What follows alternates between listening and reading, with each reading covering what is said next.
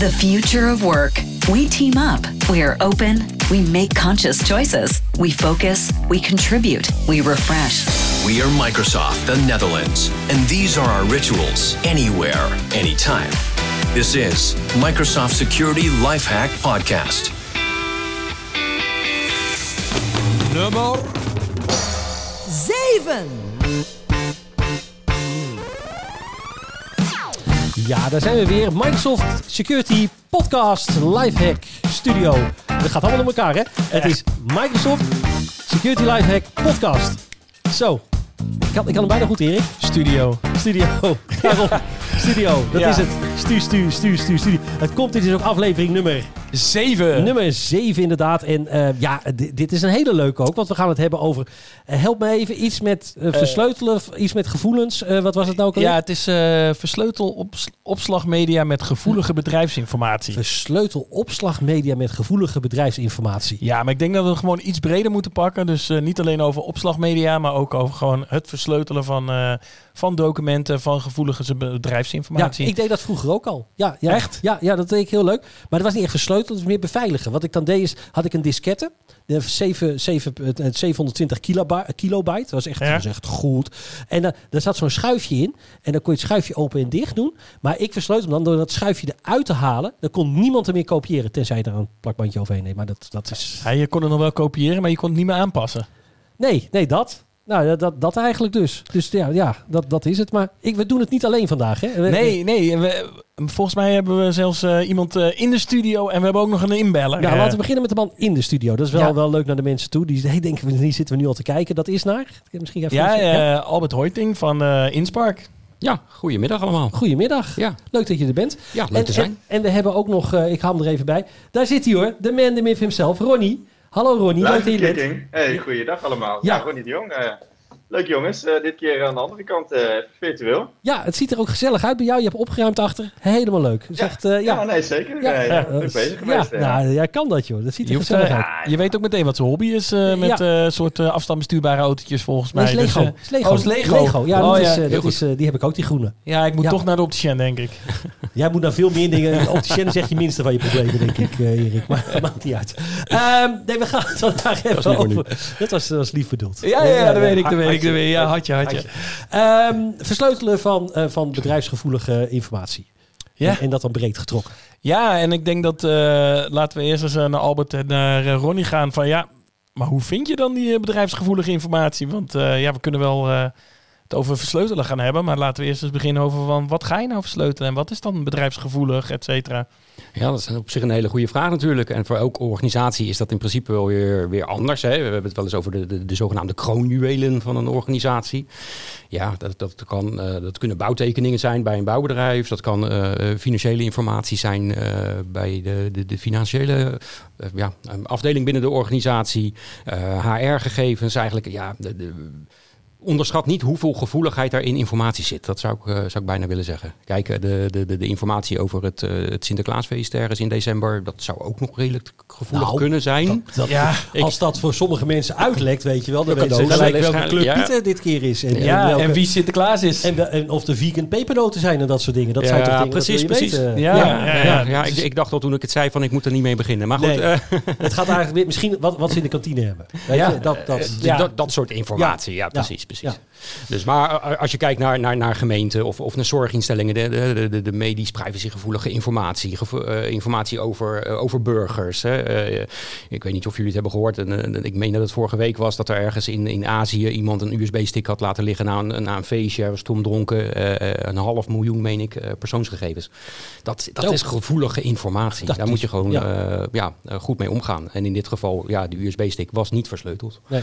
Dus Nee, want anders was het een hele slechte versleuteling. Als je het dat zou zijn geweest. Ja. Dus, eh, dus ja, ik denk, ik denk dat er legio voorbeelden zijn van, eh, van denk ik, USB-media of eh, nou ja, documenten die in de trein blijven liggen. eh, Ja. ehm, Dus ja, dat, ik, ja, ik denk dat we daar wel over eens zijn. En Ronnie, hoe kijk jij daarnaar eh, over het, het versleutelen van data en het vinden van die data? Nou, wat Albert al zegt, je hebt te maken met eh, wat voor type data je hebt. Maar eh, los van het feit waar je die data kan vinden, is natuurlijk ook de vraag waar sla je die data op en hoe wordt die data bewerkt. En eh, los van een stukje wet en regelgeving, ehm, heb je een aantal stadia waarin zeg maar, data een soort van cyclus doormaakt. Dat noemen we ook wel de lifecycle van data. En vaak begint de productiviteit en, en, data wordt zeg maar op een endpoint of een werkplek wordt die, aangemaakt. Dan zijn we productief, dan slaan we op, slaan we tegenwoordig in de cloud. Short het al. Uh, enerzijds wil je bijvoorbeeld die endpoints beveiligen. Nou, daar hebben we een aantal technologieën en methoden voor. Kunnen we misschien zo meteen wel op terugkomen. Vervolgens creëer je een document. Nou, dat sla je lokaal op of in de cloud. Maar ja, als het naar de cloud gaat, dan moet het naar de cloud gaan, maar ook op een veilige manier. dus het vertrekpunt vanaf dat endpoint naar de cloud onderweg, daar wil je ook voor zorgen dat dat encrypted is en dat daar onderweg niet uh, uh, de data van Sinterklaas van 5 december naar 4 december of de 6 december gaan. Nee, dat, precies, dat soort precies. zaken. Dus dat is meer over de integriteit. En op het moment dat het zeg maar eenmaal op locatie is aangekomen, ja, dan wil je het ook weer encrypten. Ja. Maar als jij het nou vervolgens uh, ook nog eens een keer buiten je organisatie wilt delen, ja, hoe zorg je er dan voor dat die data zeg maar ten alle tijde versleuteld blijft? En dat, dat zijn ook uitdagingen die ja, geïntroduceerd zijn met het moderne werken, met het hybride werken. En um, daar moet je ook zeg maar, gepaste maatregelen op uh, nemen, om dat ook op een goede manier te begeleiden. En daar kunnen we denk ik zo meteen uh, samen met Albert nog wat verder over ingaan. Van wat voor, hè, die begint onderaan, device, endpoint, opslagmedia, het versturen. Maar hoe ga ik dan om met het delen van data buiten mijn organisatie? Ja, want ik heb ook wel eens gezien, hè, als datadragers, hè, dus niet alleen dan die input, maar ook gewoon datadragers, dat je uh, ook van die, van die hebt waar je dan met een vingerafdruk ook uh, uh, op zit, dan is het toch ook versleuteld of niet? Of, ja, vaak zijn die devices dan inderdaad, die hebben een eigen encryptiemogelijkheden. Ja. En, en er zijn een aantal leveranciers die inderdaad een hele uh, op zich wel vrij prijzige uh, opslagmedia hebben nu. Die, ja. die daadwerkelijk als een soort van digital safe inderdaad die versleuteling doen met... Uh, um, ja, met, met uh, iets als een vingerafdruk of, uh, of, of, nog een andere biometrische uh, gegeven. En dat, dat, dat is inderdaad, dat gaat vrij ver. Dat is vaak ook hardware gebonden, hè, dus het ja. zit echt op die stick. Um, en ja, dat betekent inderdaad wat dat betreft ook dat het echt uniek is aan, die, aan het opslagmedium, zeg maar. Hè? Dus uh, in plaats van dat je bijvoorbeeld de data zou, uh, zou versleutelen, en zodat je zorgt dat die data overal op zich wel beschikbaar is, maar dat het wel versleuteld en veilig is, is wat waar jij inderdaad nu uh, op doelt. Ja. Dat is echt specifiek het opslag. Het opslagmedium Ja. zelf Ja. wat dat, dat dan heeft. Maar stel je nou voor, eh, Albert, in eh, het geval, hè, kijk, Jeroen eh, heeft zo'n eh, mooie USB-key met eh, zijn fingerprint eh, reader. Hè, en die Mhm. gaat naar huis en eh, die kopieert daar alle data naar zijn, eh, zijn privé-device. Mhm. Hoe kunnen we dat eh, in een eh, Microsoft 365-wereld nog eh, beschermen? Ja, als je echt kijkt naar dat, dat niveau, zeg maar, dan zit ik echt te denken aan een aantal, aantal componenten in, in ja, wat tegenwoordig Microsoft Purview natuurlijk heet. Hè. Aan de ene kant information protection, hè, waarbij je zegt van ja, oké, die informatie die is opgeslagen op een encrypted device, maar die gaat wel degelijk naar een waarschijnlijk om, waarschijnlijk hè, eh, on- onbeschermd privé device. Hoe zorgen we nou dat we daar grip op hebben? Nou, dat kan aan de ene kant door de data natuurlijk gewoon nog steeds te, te beveiligen, door information protection bijvoorbeeld te gebruiken, hè, labeling in combinatie met versleuteling. Dan heb je het echt over data-centric versleuteling, zeg maar. Dus dat maakt het eigenlijk helemaal niet meer uit waar die data staat. Ehm, kijk, een, een andere component die daar dan aan bij zit, waar ik dan met wat, wat op zich niet zo gerelateerd hoeft te zijn aan versleuteling, maar is zaken als eh, sorry, insider risk management bijvoorbeeld. Hè, waarbij we daadwerkelijk kunnen detecteren dat er eh, iets met die data eh, ja, eh, gebeurt, zeg maar. Ehm, en ja, zeker in situaties waarbij, nou in, dit, in deze situatie zal dat misschien minder van belang zijn, maar bijvoorbeeld wel een situatie waarbij iemand de organisatie gaat verlaten en ineens Ja. 5 terabyte aan data op zijn privélaptop aan het eh, overpompen is, ja, dan kan dat soort signalen kunnen wel naar boven komen. En eh, nogmaals, het heeft niet zoveel met versleuteling te maken in dit geval, maar het is wel degelijk een heel groot risico op dit moment, ook met het hybride werken. Dat we, ja, we hebben zoveel opslaglocaties en, en manieren om bij die data te kunnen. En ja, om die cirkel weer even rond te maken, dan zou ik zeggen data-centric eh, versleuteling in dit geval. Ronnie, jij dan kijkt erop? Eh, ik, kijk, eh, ik zie jullie heel goed trouwens, dus eh, wat dat betreft, die, die kijken prima uit. Ja, waar, waar ik benieuwd naar ben, Albert, en misschien kan je ons daarin meenemen. Mhm. Ehm, ik heb daar ook, ik kom daar vaak bij klanten en dan merk je toch wel dat als het gaat om hardware-encryptie, sleutelen van apparaten, dat is vrij recht toe recht aan. Hè? Dat is vrij makkelijk te implementeren en toe te passen. Mhm. Maar je ziet toch wel het datacentric beveiligen, zoals je net al aangaf. En daar hebben bedrijven en organisaties toch iets meer moeite mee. Omdat het vaak ook eh, verweven zit in hun manier van werken, in hun processen. Ja. Kun je eens even kort eh, toelichten hoe, hoe je daar eigenlijk mee begint. En hoe je daar laagdrempelig, zeg maar, dat alsnog uh, ja, die dataclassificaties datacentraal beveiligen kan uh, toepassen. Ja, zeker. Kijk, als je gaat kijken naar uh, dat data-centric uh, versleutelen, dan, dan heb ik het dus in dit geval heel specifiek over Microsoft Purview Information Protection, zeg maar, waarbij je informatie uh, ja, gaat rubriceren, gaat voorzien van een, een klassificatielabel, bijvoorbeeld strikt vertrouwelijk of vertrouwelijk extern of iets dergelijks. En op basis daarvan worden dan daadwerkelijk bepaalde versleutelingen toe, toege, ja, toegekend. Eigenlijk moet je dat meer zien als, als een, als een rechtenmodel. Hè? Dus ik kan bijvoorbeeld iets, uh, iets delen met, met de heren hier aan tafel en zeggen van nou, uh, als zij dat openen, dan mag het alleen maar in alleen lezen modus zijn. Hè? Zou ik wel mee oppassen hoor. ik zou sowieso niks delen met Jeroen, maar goed. Uh... Nee, nee dat, oh, ik zou het ook niet eens met mezelf delen. Zeg maar. zo, zo, zo, erg is het al. Niet eens alleen lezen. alleen lezen. Oké, okay, goed. Dat vind ik wel lastig. Oké, in dit geval, we delen het dus niet met deze heren, maar nee. ik deel het dus met Ronnie. Ja, kijk. en trusted advisor, daar zitten we. Ja, we hebben gevonden. Ja, Juist, ja. precies. en uh, nou, een van de zaken uh, die dus wel degelijk door die versleuteltechnologie uh, ja, plaatsvindt, is dat het toekennen van die, van die rechten, zeg maar. Er gebeurt nog veel meer onder water plaats.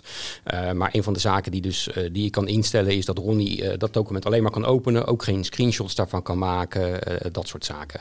Ik kan zelfs nog een watermerk eraan toekennen, zodat als Ronnie toch denkt van hé, hey, ik ga dat even met een fototoestelletje even fotograferen, dan komt er toch wel degelijk nog steeds dat watermerk. Um, dus er zijn mogelijkheden. Um, pas alleen op. Hè. Um, ga niet proberen als organisatie om meteen uh, alles te gaan versleutelen uh, wat je maar vindt. Hè. Uh, ook wat mij betreft een misvervatting dat alles versleuteld hoeft te worden. Dat, dat, daar hebben we het net over gehad. Hè. Wat, wat is nou gevoelige informatie? wat, wat zou nou wel en niet gevoelig zijn? En, en wat zou dan versleuteld kunnen worden? Een, een heel praktijkvoorbeeld is bijvoorbeeld een afdeling als HR of Finance. Hè, die bijvoorbeeld met bepaalde Excel-sheets werken waar bepaalde informatie in staat die binnen de afdeling prima toegankelijk moeten zijn. Misschien daarbuiten ja, met, met, met, met wat beperkte rechten nog toegankelijk moeten zijn. Maar voor de meeste mensen eigenlijk niet toegankelijk moeten zijn. Nou, dat kan ik dan prima. Uh, dat is een prima use case om te gebruiken om die versleuteling toe te gaan passen. Mag ik uh, daar iets over vragen? Zeker. dat ik, je zegt hè, de, de, niet op alle data vers, versleuteling toepassen. Waarom niet? Waarom zou ik niet kunnen zeggen, ik versleutel alles? Nou, is dat duurder? Is dat, uh, moet je daar bepaalde technologie gebruiken? Ik, ik probeer even... Ja, voor... begrijp ik, begrijp ik. Um, ja, we moeten even, uh, even wel goed beseffen. Hè. We hebben het nog steeds over dat data-centric uh, ja. labelen en, en versleutelen. Hè. Uh -huh. want even misschien een kleine misverstand, mocht die er zijn, even uit de weg halen. als je data daadwerkelijk opslaat, het zij op het device met, met, met zaken als BitLocker of in de cloud, waar Ronnie het ja. over had, hè, dan zit daar al een, een, een, enorme krachtige vorm van versleuteling zit daar okay. al omheen. Hè. Okay. Dat, misschien dat we daar nog straks op, op in kunnen gaan. Maar dus die informatie is hoe dan ook versleuteld, ja, wat ze dan noemen addressed. Hè. Um, versleuteling die we daadwerkelijk gaan gebruiken, uh, bijvoorbeeld met, met, met information protection, um, daar, dat, dat, dat dat ja, is, kan wat complex zijn, laat ik het okay. zo zeggen. Dus als je informatie hebt die eigenlijk ja, uh, qua vertrouwelijkheid eigenlijk helemaal niet zo uh, gevoelig is, ja, waarom zou je het dan jezelf zo complex maken zo door complex daar hele. mogelijk maken. En, precies. Ja, en als het dan ergens dan toch fout gaat in de versleuteld, is gelijk alles weer open en zo. Dus nou, je kan het beter gewoon dan. Precies. Ja. Dus ma maak, een, ma maak een, een, ja, een, een onderscheid. Hè. Uh, een, een, heel, kijk, een uitdaging in het hele verhaal met die versleuteling is allereerst begin inderdaad kleinschalig, hè, zodat je ook die use cases goed kan, uh, kan uitproberen. Um, maar kijk ook heel goed naar de effecten die het heeft. He, als, als jij bijvoorbeeld zegt van nou, als organisatie uh, gaan wij een, een klassificatie hanteren, dat heet intern. Met, met als consequentie dat moet versleuteld worden, want dat is alleen voor intern gebruik. Maar zoals Ronnie al aangeeft, we, in de wereld waar we nu leven en, en werken, blijft informatie niet sick, sec, nee. intern. Iets wat ik intern label, kan, kan ik zomaar ineens, nou ja, niet al met jullie als hoorde ik zojuist, maar kan ik dus met ja, Ronnie delen. Ronnie delen. Ja, altijd met Ronnie ja, delen. Altijd met Ronnie delen. Uh, die in dit geval buiten mijn organisatie is. Maar als ik nou die versleuteling heb toegepast, dan kan hij het waarschijnlijk weer niet openen. En dan zie je dus dat, dat, uh, dat, dat die bedrijfsprocessen daar dus uh, onder gaan leiden. Dus vandaar, pas op met die versleuteling. Uh, ga niet meteen uh, alles versleutelen onder het mom van ja, dan zijn we veilig. Maar pak gewoon de juiste use cases. En ga daarna ja, verder kijken naar, naar en, andere en use wel cases. werkbaar blijven. Ja, ja, ja, ja. ja. ja en, en de, de, de, kijk, de, de hele um, de functionaliteit van, van die versleuteling is dermate geïntegreerd dat een, ja, een, een medewerker van een organisatie daar eigenlijk niet zoveel van, van zal merken. je zult wellicht iets krijgen van ja, dit document mag alleen maar alleen lezen geopend worden of, of iets dergelijks. maar vanwege ook die inter, ja, interactie met, met bijvoorbeeld Office en, en zo dadelijk ook met, met bijvoorbeeld Adobe ja, werkt het gewoon heel, heel fluïde, zeg maar. En ehm, dus onder water wordt het wel heel strikt, heel strikt versleuteld.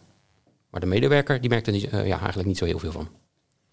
Nee, helder. Ja, tof. Uh, En uh, Albert, je zegt de medewerker merkt daar niet zoveel van. Hè? Dus, maar Gaat dat dan allemaal automatisch? Moet hij daar heel veel voor doen? Of hoe moet ik dat zien? Eh?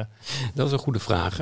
Um, nou, nogmaals, hè, als, als, als, ik even weer die uh, opmerking mag maken. Informatie die wordt opgeslagen gewoon in de cloud. Ja. Daar hoef je niks, geen zorgen over te maken. Hè. Het gaat nu te ver om dat uit te leggen hoe dat allemaal werkt. Maar dat is allemaal versleuteld. En, maar als we inderdaad kijken naar de datacentrische uh, bescherming hè, met de labeling ja, er zijn diverse keuzes die we daarin kunnen maken. Uh, de, meest uh, makkelijke en het een soort van instapmodel, als je zou willen zeggen, is dat je daadwerkelijk aan, aan medewerkers vraagt van nou, label inderdaad die informatie of uh, bied een bepaald standaard label aan, zodat mensen daar niet naar hoeven te, om te kijken. Um, ik zal daar heel eerlijk in zijn, dat heeft ook wel meteen een nadeel. Want uh, dat, het, grote uh, uh, nadeel wat het kan, kan hebben, is dat mensen een beetje lui gaan worden. Hè. Ja, standaard label, waarom, alles wordt toch al gelabeld, dus ik ga toch niet meer. dus je, je moet ook wel een stuk goed, goed, mensen meenemen daarin. Ehm, en daarom zeg ik ook, begin bijvoorbeeld met een afdeling finance, waarbij je heel duidelijk kan uitleggen, bijvoorbeeld van nou, uh, dit, is, uh, dit zijn jullie labels die specifiek zijn voor jullie. Uh, dit gebeurt er nu met dit soort informatie. Um, en die, ja, vanwege die processen en, en de, de, expertise van die mensen in die afdeling, begrijpen ze het nut en het noodzaak er ook van. Ja. Dus, dus dat is de handmatige variant. Ehm, maar we moeten ook heel eerlijk zijn als we kijken naar de hoeveelheid informatie die we met z'n allen maken. Uh, en met Ronnie delen op zo'n dag. Uh, ja, is het gewoon niet meer te doen om dat allemaal handmatig te doen op een gegeven moment. Dagtaak, jongens. Ja, ja. precies. dus Ronnie krijgt zoveel gedeeld. Hè. Het is, het is en wat Ronnie er dan mee doet, dat is dat zwarte gat waar niemand het voor de rest over Ja, precies. Maar dat, dat, en dat deelt hij het weer. Dat deelt hij het weer in. Dat, ja. uh, de big black hole. Ja, ja dan deelt hij het met jou. En kan jij het dan lezen, Jeroen? Dat is de grote vraag. Dat ligt eraan of ik een encryptiesleutel heb gekregen, ja of nee. Ja. Zo, hey, hij niet verwachten dat antwoord. Oh, je zit nou met te kijken zo, ja. weet hij dat? Ja, dat weet hij ook. Ja. ja, goed hè. Ja, ja precies. Ja. Maar het, ja, Ronnie, ga je gang, sorry. Ja, ja nee, ik, ik was even benieuwd, Albert. Uh, je gaf aan, we hebben daar een aantal maatregelen voor om het uh, makkelijker te maken. Kun je, kun je ons meenemen wat dat precies is, zeg maar? Want je hebt het ook met name over cloud data, maar zijn er ook bijvoorbeeld voorzieningen uh, die bijvoorbeeld on-premise data, dus data die mm -hmm. nog gewoon lokaal op een fileshare hebt staan, om dat ook bijvoorbeeld inzichtelijk te maken en te, te labelen en te klassificeren? Ja, nou, ja dat, dat, is een hele goede vraag. Hè.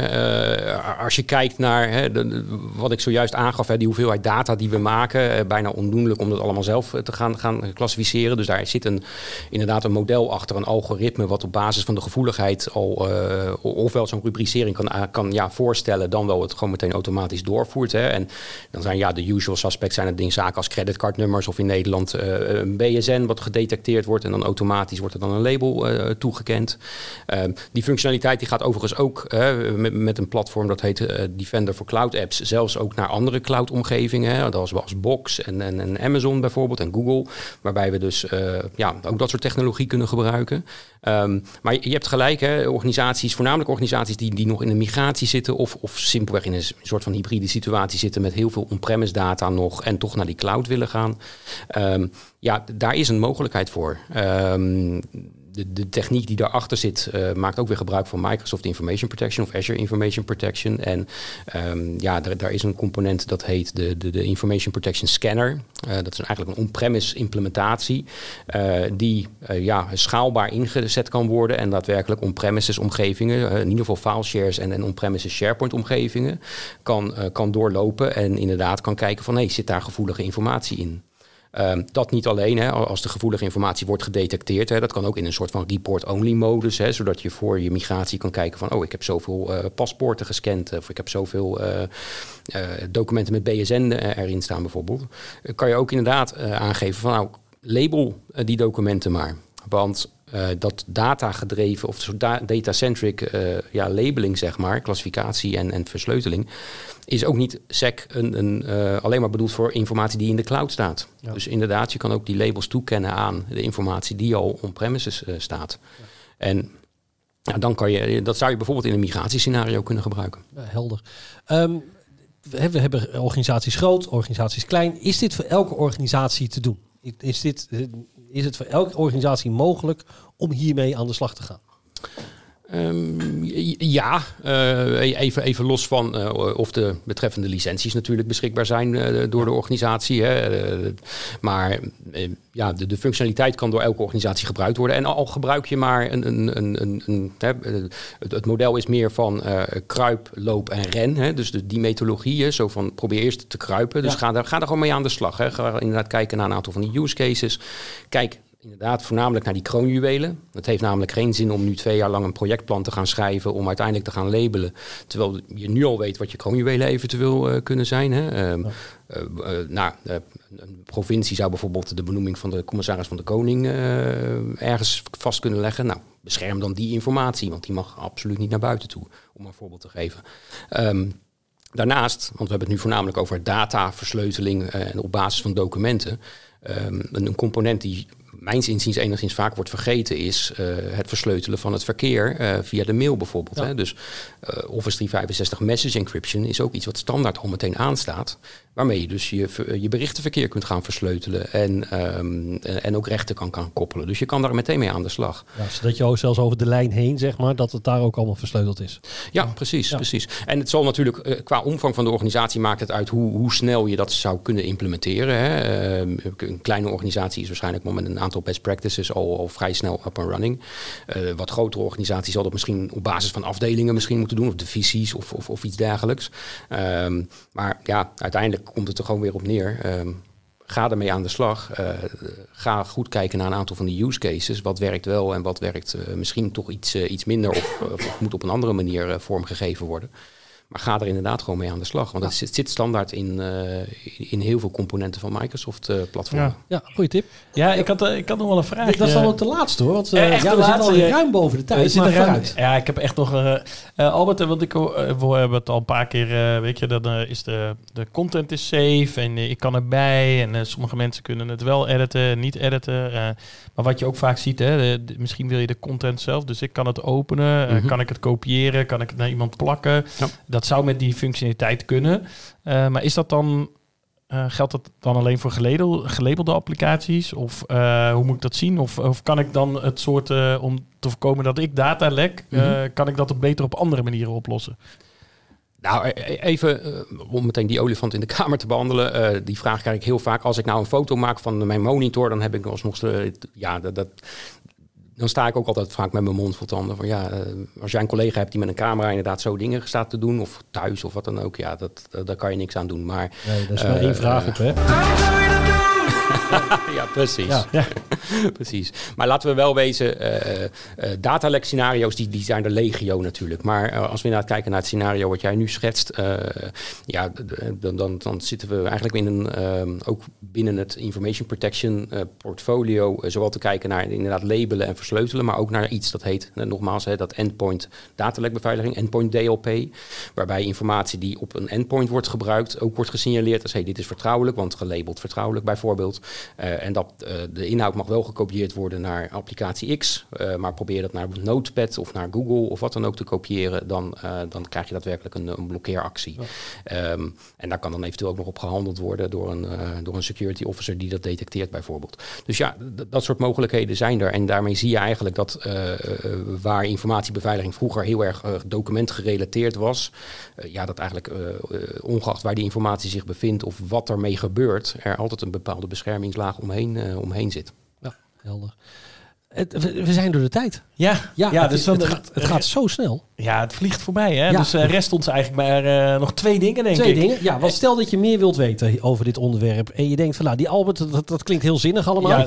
Eh, wat, ik, wat ik vond, zeg maar. Ja, ik ook. En Ronnie Dus- trouwens ook. Maar het gaat nu even om Albert. Ehm, Albert, als ze met jou in contact willen komen of met, eh, met jouw organisatie, Mhm. hoe kunnen ze dat het beste doen? Eh, nou, de organisatie, dat, dat werd het net al genoemd, hè? Ja, eh, Inspark. Inspark. hè? Ehm, gewoon een, een Microsoft-partner. Ehm, het wat makkelijkste is om, denk ik, eh, mij even een, een, een mail te sturen in dit geval. Ik ben ook via Teams benaderbaar overigens natuurlijk, maar goed, hè, net zo makkelijk. Of via LinkedIn. kan via ook. LinkedIn. Of via LinkedIn. ja, Ehm, mailadres is heel eenvoudig, althans albert.hoiting.inspark.nl.